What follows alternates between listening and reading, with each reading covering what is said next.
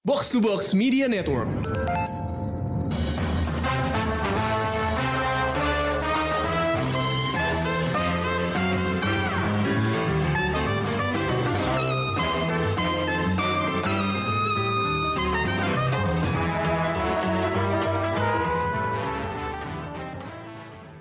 Halo semuanya pendengar podcast Showbox, apa kabar? Gue Lisa Siregar, kembali lagi di podcast kali ini setelah kayak berapa bulan ya? Gue tiga bulan hilang kalau nggak salah ya. Bersama dengan teman gue, halo.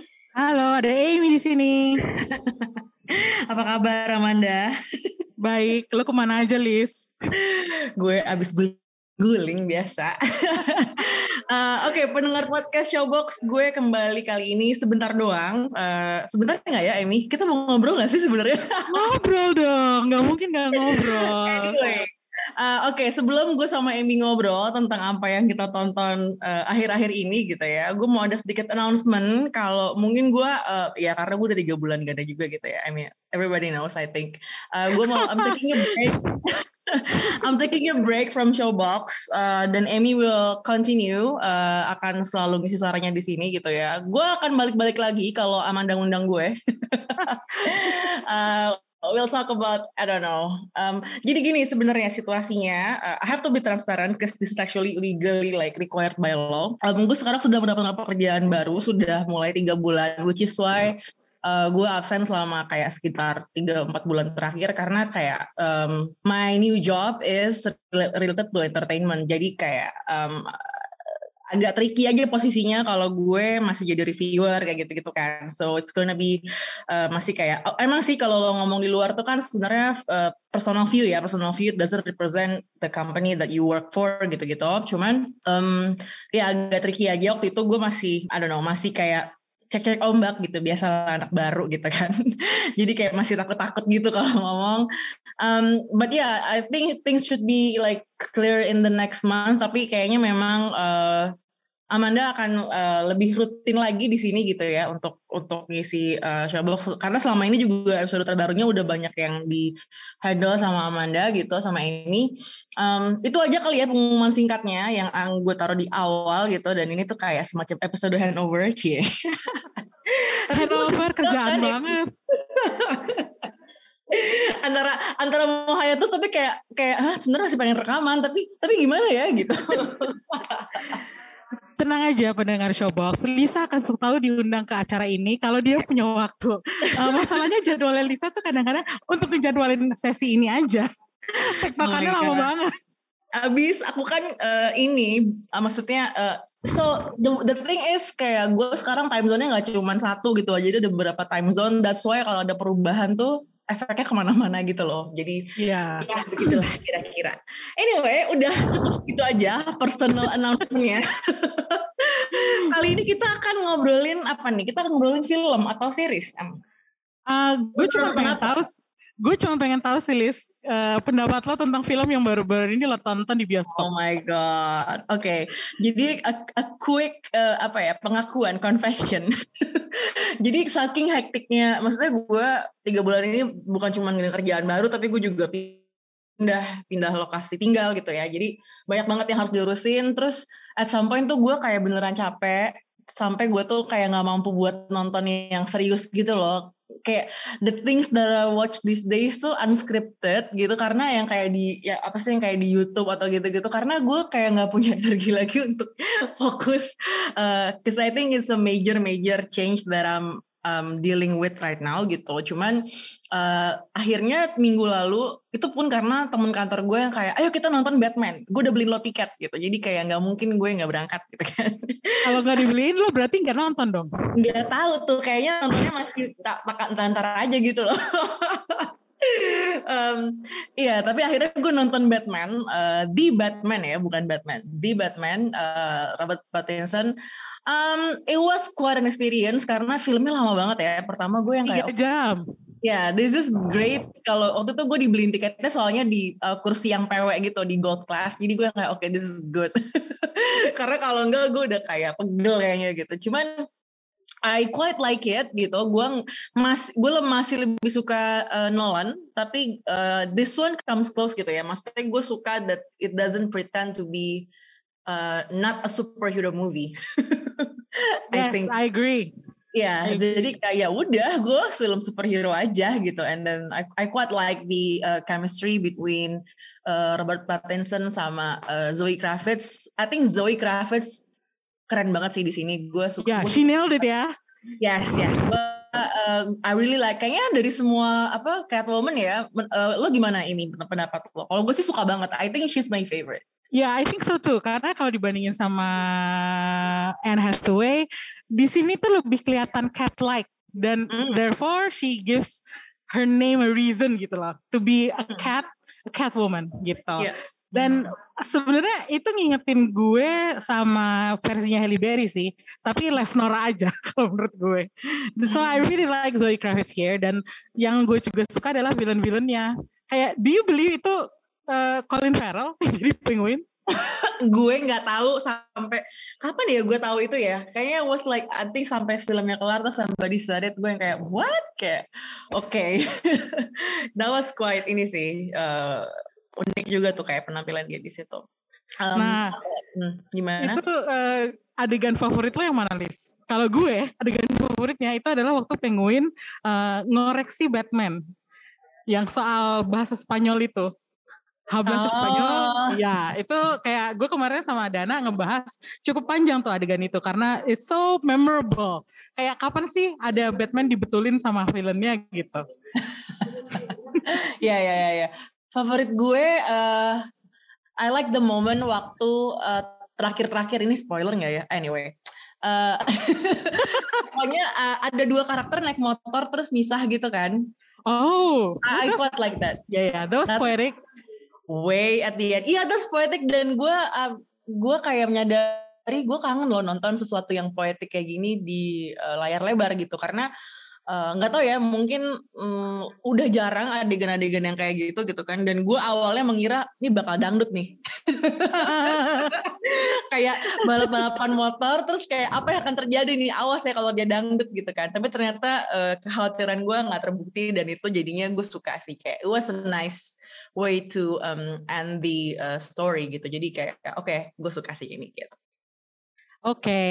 uh, eh, kayaknya ya Liz, uh, abis ini kalau masih suka The Batman, kayaknya HBO Go tuh punya banyak banget ya koleksi Batman. Gue kayak yeah. baru nyadar gitu, dan ternyata ada satu judul yang katanya, kata Dana sih sebenarnya, itu tuh menjadi sumber apa ya, sumber adaptasi buat The Batman ini, yaitu mm. The Long Halloween. Ternyata ada loh di HBO Go. Oh wow, oke. Okay. Ya kan itu memang apa ya IP-nya emang dari emang itu Warner Bros kan ya si. Yeah. Yeah. Batman ini kan DC. Mm. Jadi kayaknya kalau kalau lo suka The Batman, kayaknya harus ngecek HBO gue segera deh. Soalnya banyak banget film Batman di sini. gue, nah justru gue sekarang lagi baru nonton satu episode di Disney Plus, which is um, apa namanya The Dropout. So oh.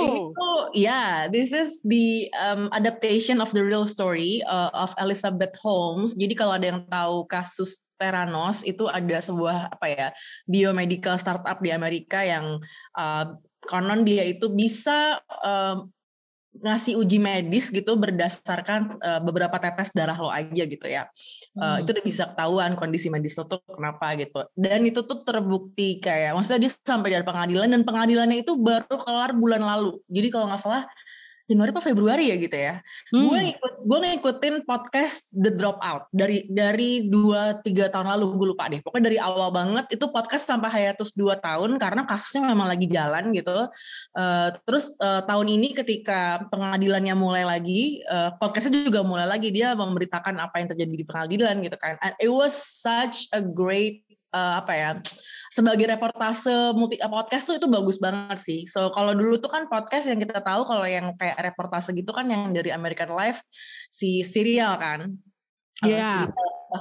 itu kan yang bener-bener bikin podcast tuh jadi booming tuh uh, karenanya karena itu gitu kan. Tapi The Dropout gue menurut gue bagus juga secara reportase gitu ya. Dan gue ngikutin banget. Dan gue sempat kaget ketika udah dua tahun tiba-tiba kan ada muncul lagi baru yeah, apparently the apa the court apa the the the hearing tuh mulai lagi sih buat si Elizabeth Holmes ini gitu kan and hmm. then it was such a maksudnya cara dia um, menceritakan kasus ini itu sangat entertaining dan jelas banget karena digambarin tuh per karakter ada siapa ada siapa it was quite dramatic itu menurut gue dan pas banget karena itu diadaptasi jadi uh, jadi format uh, TV series gitu kan yang hmm. main Amanda Seyfried jadi tokoh Elizabeth Holmes-nya gitu kan.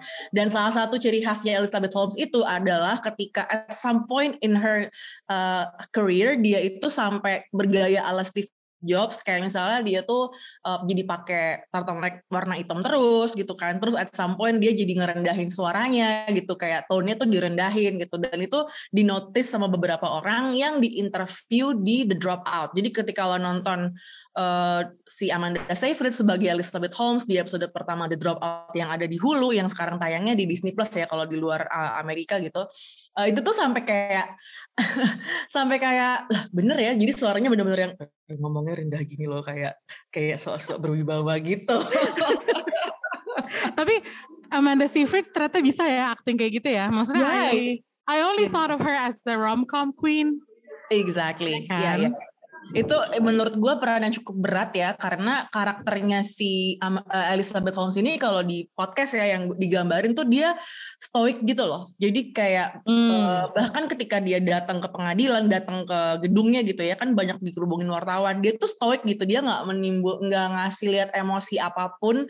Bahkan ketika sentence-nya dibacain tuh dia biasa aja gitu kayak stoik aja gitu. Jadi uh, gue pengen lihat nanti nantinya sih itu kan kalau di TV seriesnya memang tuh digambarin dari awal banget dari ketika dia masih jadi mahasiswa terus dia digambarkan sebagai seorang perempuan yang punya ambisi gede banget untuk kayak pengen kayak Steve Jobs gitu literally there's a poster of Steve Jobs in her bedroom gitu sampai dia suka ngeliatin gitu karena memang dia pengen jadi salah satu apa ya inovator lah yang dikenal di dunia gitu kan. Which I think itu kayak yang nggak salah juga kayak everybody can dream gitu kan. Cuman yeah. jauh mana lo kayak uh, mengorbankan itu gitu. It was a, bagus banget dan I'm looking forward to see the next uh, episode sih gitu. oh it's not complete ya? Belum complete ya? Uh, gue belum tahu karena tadi gue kayak oh oke okay, ada Disney kayak itu pertama kali kelihatan di apa homepage-nya terus gue langsung buka and then I watch like one episode and I thought like oke okay, gue mau bahas ini ah di Showbox gitu Untuk kesampaian list sebelum lo hiatus. I know. lo nonton apa akhir-akhir ini? Uh, kalau gue nih yang masih membekas di kepala gue dari kemarin tuh Downfall-nya Netflix. Apa? Downfall.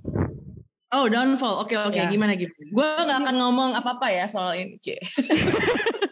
itu dokumenter bikin stres sih. Kalau menurut gue, lo sebagai penonton film juga tetap harus siap mental buat uh, nonton yang kayak begituan. Karena yang kebayang di otak gue selama gue nonton tuh adalah korban-korbannya dan keluarga mereka gitu. Kayak hmm. how can a company as big as Boeing made such a mistake gitu. Itu kayak gue nggak bisa ya. pikir aja sih. Ya. Kayak kok kok bisa lo miss miss that thing yang bikin pesawat-pesawat lo tuh jatuh gitu. When you're talking mm-hmm. about people's lives, you're responsible. You're supposed to be responsible for se nasib sejumlah orang gitu. Yeah, Dan yeah. I don't know caranya mereka menangani masalah ini tuh kok kayak enteng banget. Mm. I don't know kayak apa sih? Uh, the apologies don't sound sincere. Gak tau lah gue, gue selama selama udah udah dua minggu nih gue nonton dan gue masih kepikiran aja kayak hmm. itu yang kayak waktu awal-awalnya orang-orang pada nyalahin Lion Air ya ketika ya. kecelakaan itu kejadian. Iya, dan itu kayak kalau setelah diketahui bahwa itu kan semata-mata kesalahan airline, airline hmm. mana pun ya yang punya pesawat itu, itu tuh kayak gue jadi kayak merasa wow berarti gue jahat banget ya dulu maki-maki Lion Air gitu.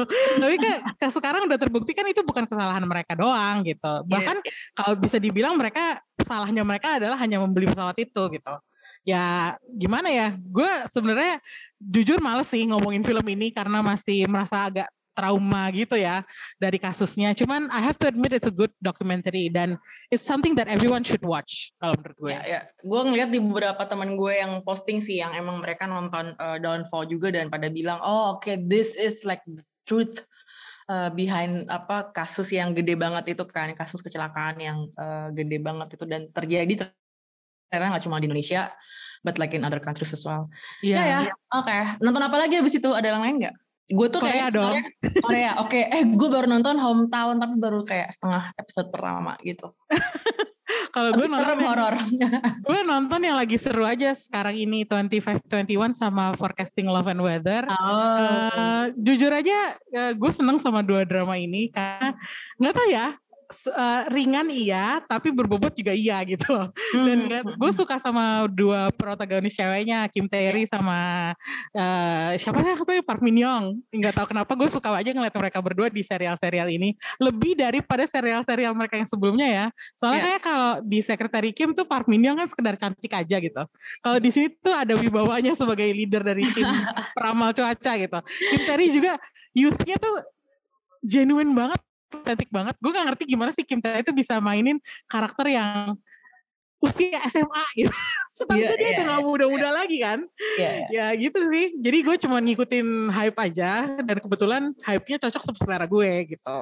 Hmm. Gue yang suka yang gue suka juga adalah 39 karena em, mungkin karena sudah berumur gitu ya berumur. Padahal gue belum 39 ya teman teman tolong catat. Cuman kayak oke that's where I'm heading towards gitu. Kayak relatable ya bagian kayak misalnya eh, oke kalau udah umur segini tuh kayaknya skincare mahal doang deh yang bisa ngaruh di kulit. That is absolutely true. I mean life is unfair like that but yeah. Gue masih agak takut loh nonton 39 why? Kedeketan sama umur gue. It's fine karena dia tuh kayak emang friendship uh, story gitu kan uh, antara tiga cewek yang ya gitulah yang udah uh, saya tahu dengan hidupnya masing-masing. Cuman lucu kayak emang kayak meaningful aja gitu nggak yang I mean I mean the Koreans udah deh mereka tuh udah another level sih. Udah kayak susah kayak mau tuh susah gitu. Kayak udah lah ya ter- terserah lah ya Korea ya. Kayak keren banget sih negaranya gitu. Em, itu dia kali tadi ya pembahasan kita habis nonton apa aja di eh, berbagai streaming platform dan juga bioskop. Bioskop ada nonton nonton nggak Emmy? Gue belum nonton semua jadi kayak literally baru di Batman doang gue juga baru The Batman doang sih karena kan kemarin abis eh, Omicron ya ya jadi agak-agak takut gitu terus tapi eh, bioskop masih buka nggak sih Masih, masih Oke. buka makanya takut. Tapi gue ada rencana nih mau nonton apa namanya eh, Morbius di 1 April semoga turun ya di Indonesia. Ayo, amin, amin, amin. gue juga ada rencana nonton Nightmare Alley, uh, Guillermo del Toro. Eh, again, ini pun karena teman gue yang beliin tiketnya. Kayaknya bioskop di tempat tuh lebih canggih daripada bioskop di Indonesia deh. ada satu Serius, yang serius. menghargai, yang menghargai em, apa namanya film-film kayak gini ya. Eh, terus dibeliin sama teman. Oke, gue udah beli tiketnya gitu. Oke, ka- kadang-kadang gue kayak harus dipaksa gitu kayaknya. Jadi mungkin eh, Ulil kalau mau beliin tiket buat gue, gue bisa sih Lil sebenarnya. Lo nyaut dong Lil. Halo. Kita jalin ya, Ulil. Teman-teman Ulil adalah produser kita di Box to Box Media Network. Lil, nyaut dong Lil. Iya kak. Kali ngobrol sama kamu Lil. Ada ada ada ada. Nanti aku beliin dari sini ya, Kalisa nonton ya. Ah, iya, lo abis nonton apa Lil? Gue mau ngobrol dong sekalian. Gue lagi terpatok sama drama Korea nih. Asik, yang mana tuh? Lagi lagi ngehook. Tapi terakhir sih kalau eh, serial lagi selesaiin si Inventing Anna itu. Gila Oh, ya oke, tuh orang. oke. Gimana lo suka gak Inventing Anna? Suka sih, mungkin karena ini ya, karena ada eh, jurnalismnya di dalam, jadi tuh penasaran terus kan. Hmm. Walaupun akhirnya kayak oh gitu. Ya udah deh. gue nonton itu abis nonton Tinder Swindler. Kayak semua orang gitu ya journey-nya. Abis, abis nonton Tinder Swindler, terus Mm-mm. nonton Inventing Anna, terus kayak langsung pusing kenapa banyak penipu di dunia ini gitu ya. Bener, terus kayak kok gampang banget hidupnya nggak kenapa-napa ya kan? terus udah gitu dia pakai barang-barang mahal terus kayak Hah kok bisa duitnya dari mana? Yoi, yoi. Bagi duit dong guys. Asli. tapi tapi kak, ini Rana juga mau cerita nih film terakhir yang dia tonton. Apa Ran? Halo guys, Eh, sebenarnya bukan film sih ya. Kalau film sama sama yang dibilang sama Amy. Cuman gue mau cerita belakangan ini ternyata ada satu series yang gue ketagihan nontonnya dan baru aja tamat Apa tuh? Eh, season 2-nya yaitu Euphoria. Shush, gue belum nonton. Oke, quit. Eh, jadi awalnya itu gue sebenarnya pengen sok-sok memahami Gen Z aja gitu kan. Cause kayaknya semua uh, mutual gue yang Gen Z tuh pada nonton, right? And every Monday they're sharing it. Dan kayaknya wah, this, this shit looks pretty edgy gitu kan. Gue gue pengen tahu gitu kan kalau emang sebuah serial berusaha untuk otentik terhadap generasi zaman sekarang gitu, how different it is daripada tontonan gue gitu. Let's say I don't know ya, skins atau apa gitu kan. Dan ternyata cukup wadaw gitu. Gua gua gua ketagihan and I'm really enjoying following the online and social media conversation ya. Like every scene uh, gua gua gua rasa mungkin um, dan ini sama halnya ini ini kasusnya untuk acara-acara HBO Go ya. Um, it's so memeable kayak banyak banget adegan-adegan dan dialog-dialog lepasan yang jadi bahan gorengan di social media. I think Succession does it Succession does it the best and and I think the, a close second adalah si Euphoria. Iya, gue follow Euphoria scenes without context akun di Twitter gitu. Uh, lagi Z no, I, I I need to study them, right? Because they're like way ahead. I mean, people say Gen Z mentalnya lemah. Tunggu dulu Marco Polo. gue justru merasa yang mentalnya lemah adalah eh orang tua Gen Z, ya karena harus menghadapi atau mungkin sebaliknya mungkin like they- they're tested like no parents before gitu. Um, but yeah, it's really good. It's really stylish. Um, temen gue anak ahensi It's so bilang edgy, Ran. It's right. Uh, kayak gue, I literally need to like extra energy buat nonton itu sih. Yeah, for sure, for sure. Um, and also kayak gue rasa gue tidak pernah melihat titit sebanyak itu sih. Exactly. Like Yeah. I'm trying to recall, maybe this is because porn is very male centric gitu ya. Tapi gue tidak pernah melihat jumlah titit sebanyak itu di eh, seperti di satu episode Euphoria sini. But, but, but biasa, uh, what is what I was about to say adalah teman-teman gue yang masih di agensi itu bilang ke gue, sekarang kalau mau bikin eh misalnya TVC gitu ya, sering banget Euphoria itu jadi referensi di mood board. Kayak gue pengen transisinya kayak gini, gue pengen warnanya kayak gini. And that's very interesting because they're not really trying to do it real kan sebenarnya dari style ya. Agak ada loncatannya, ada ada halunya lah mungkin karena temanya juga. Psychedelic gimana gitu. Yes, it's related to to drug addiction kan. But it, but it's a fascinating lens. Dan setelah itu gue sadar satu hal sih. Emang Zendaya itu di Spider-Man itu cuman buat apa ya? Itu side job lah istilahnya. iya cuma gue pengen gue pengen duit buat ngopi gitu kan. Kayak I think I think what what she did in season 2 episode 5 of Euphoria itu i- i- it's more work daripada seandainya kalau dia main di semua film Marvel Cinematic Universe digabung gitu loh. Kayak it's it's, it's really amazing. Uh, so shout out to Sam Levinson dan timnya. And I cannot wait to follow the conversation and wait sampai season 3 of Euphoria Team Maddie, Team Vexi, Uh, uh, I ship Vexi, Fez sama sama Lexi. Ya nggak apa-apa, Uh, Lisa akan tahu. Uh, nanti kita harus satu ya cari Gen Z Gen Z yang edgy yang nonton Euphoria, tolong dibawa ke Showbox. Ulil, I wanna have a conversation ya, yang sifatnya antropologis. So sekian update dari gue.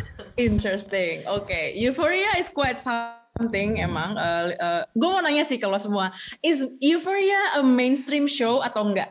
Oke, let's end this episode with a debate. Mainstream pertanyaannya. Was it? Ya, was it main- mainstream atau enggak gitu? Is it something yang you guys consider dia cerita mainstream atau enggak? This is something that I gue sama teman gue tuh lagi ngomongin yang Hmm. suka berdebat soal itu kayak Ya. it's not mainstream but it's popular sekarang Oh, oke. Nah, tapi kayak ada yang bilang itu mainstream terus semua orang ngomongin dan semua orang nonton gitu Iya. so I'm just curious pendapat kalian apa Oke, eh, kalau menurut gua, gua kan baru nonton ketika dia udah season 2. Right, because I wanna pengen tahu dan pengen catch up with the conversation, right? It's shared so much. Um, so sebenarnya entry point gua adalah karena dia sudah semakin mainstream. You know, by the definition of when I picked it up, iya. Kalau dari angle apakah cerita tokoh-tokohnya mainstream, uh, I don't know, but if a lot of people can relate or see a part of their lives in it, especially Gen Z, ya. and here's the interesting thing about Euphoria, gue punya banyak temen dan mutual yang sebenarnya belum nonton, tapi dia tahu ceritanya dari mana klipnya pada masuk TikTok semua. Jadi menurut gua, all, with all that considered and looking at the numbers ya, I think that is the second most watched HBO show since Game of Thrones. Kayak itu yang paling tinggi. So dari perspektif apa ya kuantitatif, gue rasa sih mainstream ya. Like walaupun mungkin gayanya awalnya terlihat terlalu edgy, I mean mungkin it- it- itu dia. The, the thing about Gen Z adalah apa apa yang tadinya mungkin edgy buat angkatan gue itu mainstream buat mereka gitu loh. Oh, oke. So it's mainstream for who gitu ya kan? Iya iya, Ya, kayak sih oke, the gitu. Amy, any thoughts on Euphoria? I think my opinion is the same as Rana sih. Karena gue pertama kali denger judul ini, Euphoria, gue inget banget itu lagi di acara buka puasa HBO. Dan waktu itu nggak ada yang tertarik sama sekali kelihatan dari wajah-wajah orang yang ada di situ. Mungkin karena usianya udah pada lewat semua kali ya. Jadi eh, gue menganggap acara ini was not mainstream, but now it's mainstream. Gitu. Kenapa? Karena ya terkenalnya baru sekarang kan. Dan conversations yang terjadi eh, dari Euphoria itu kan baru apa ya bisa dibilang sejak eh, end of season 1 baru naik, baru pick up gitu. Hmm. Jadi gue nggak merasa acara ini mainstream terus eh, awalnya ya, tapi Mhm. sekarang sudah mainstream dan tetap gue nggak nonton karena something that I'm interested in. Sekarang setelah season 2 ada euforia tentang euforia sih. Ya, exactly. Gue nonton dari awal episode dari season pertama gitu ya. I, I did not think it was mainstream karena kayak wow, this is literally kayak satu satu season isinya ngo, kayak substance abuse, sex, like okay.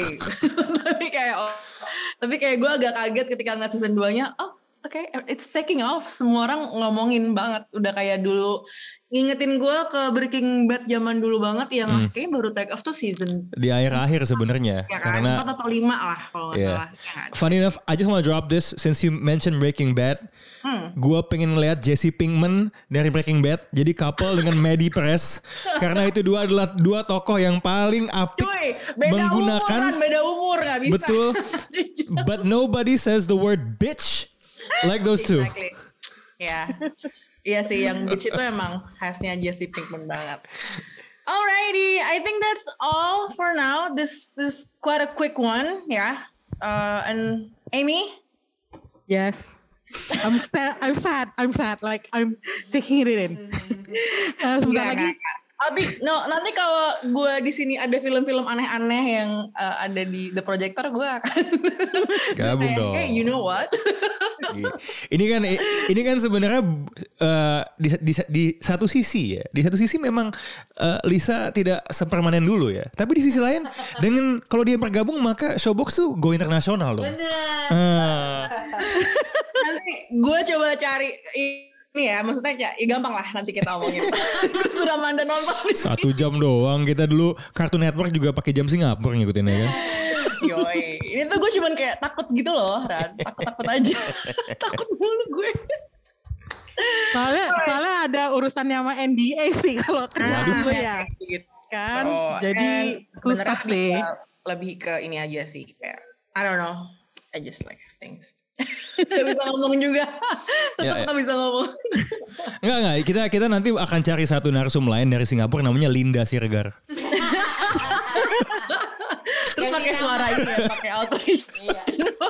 Kan Gen Z sekali kan Iya. alter ak- akun alter gitu kan Aku beliin kartu Iya. Iya nanti nanti di nanti di sosial medianya emang ada akun alternya gitu Linda pakai Ava Ava Ava. Ava Euphoria gitu kan. Wah ini cinephile nih dari Singapura dari Singapura lah gitu kan. Kebetulan.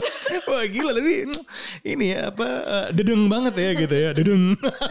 Nanti Ini kalau ada ada konspirasi teoris di antara pendengar Showbox nih udah bisa nebak nih Lisa kerja di mana nih. Gitu. Kalau mau dikerja di mana mah udah ada di bio gue udah ada juga. Karena itu kayak harus disclosure. Um, cuman ya. Suara gitu. dua ya. Dedemnya ya. dedem dedem.